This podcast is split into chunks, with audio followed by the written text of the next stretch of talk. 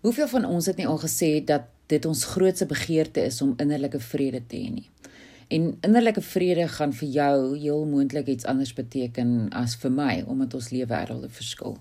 Maar ons praat oor 'n plek in ons binneste waar ons tevrede voel, tevrede met jouself, met die omstandighede waarin jy jouself op die oomblik bevind, tevrede met jou verhoudings met ander mense, tevrede met jou verhouding met die Here.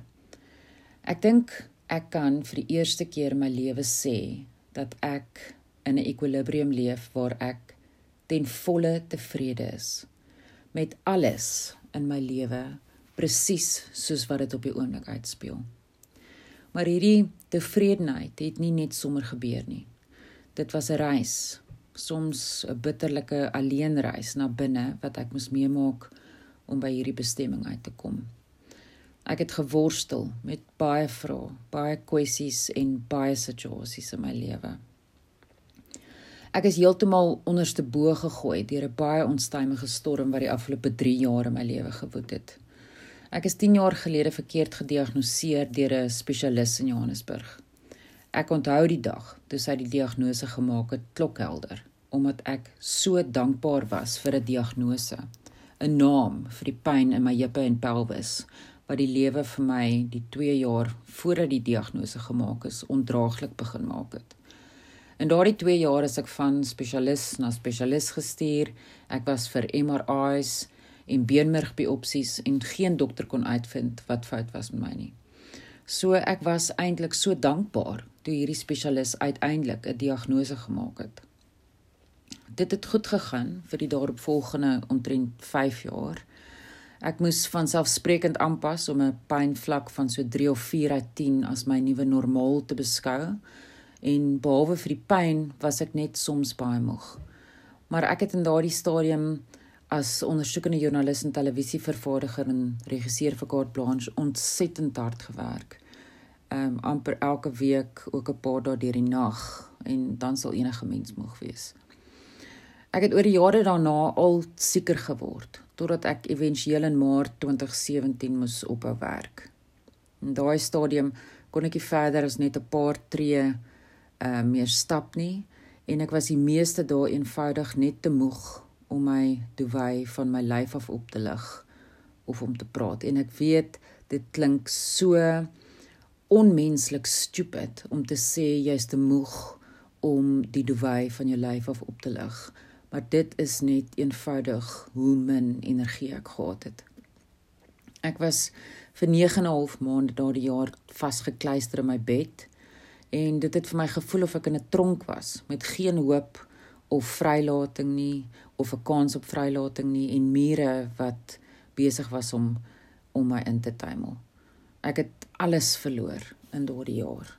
My werk en die selfbou wat daarmee saamgegaan het, my onafhanklikheid, my vryheid, my drome, alle hoop om ooit weer gesond te word, al my geld en ook my huweliksmaat ek het nie my geloof verloor nie.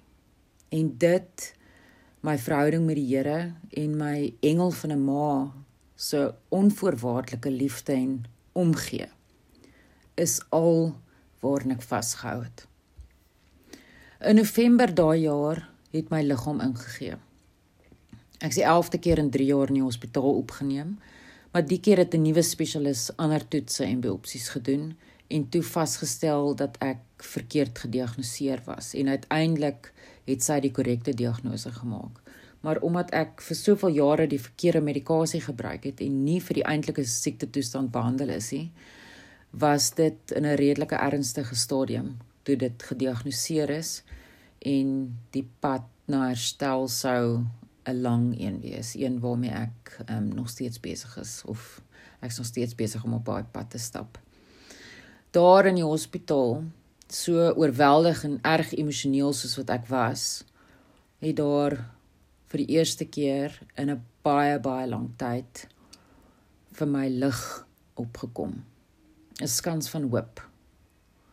En daar waar ek met 'n walker skuifelvoet van vooraf moes leer loop het, stuur die Here vir my 2 Korintiërs 12 vers 9 en 10. Dat sy krag vir my genoeg is dat sy krag juis tot volle werking kom wanneer ek swak is. Daarom sal ek baie liewer oor my swakhede roem sodat die krag van Christus my beskutting kan wees.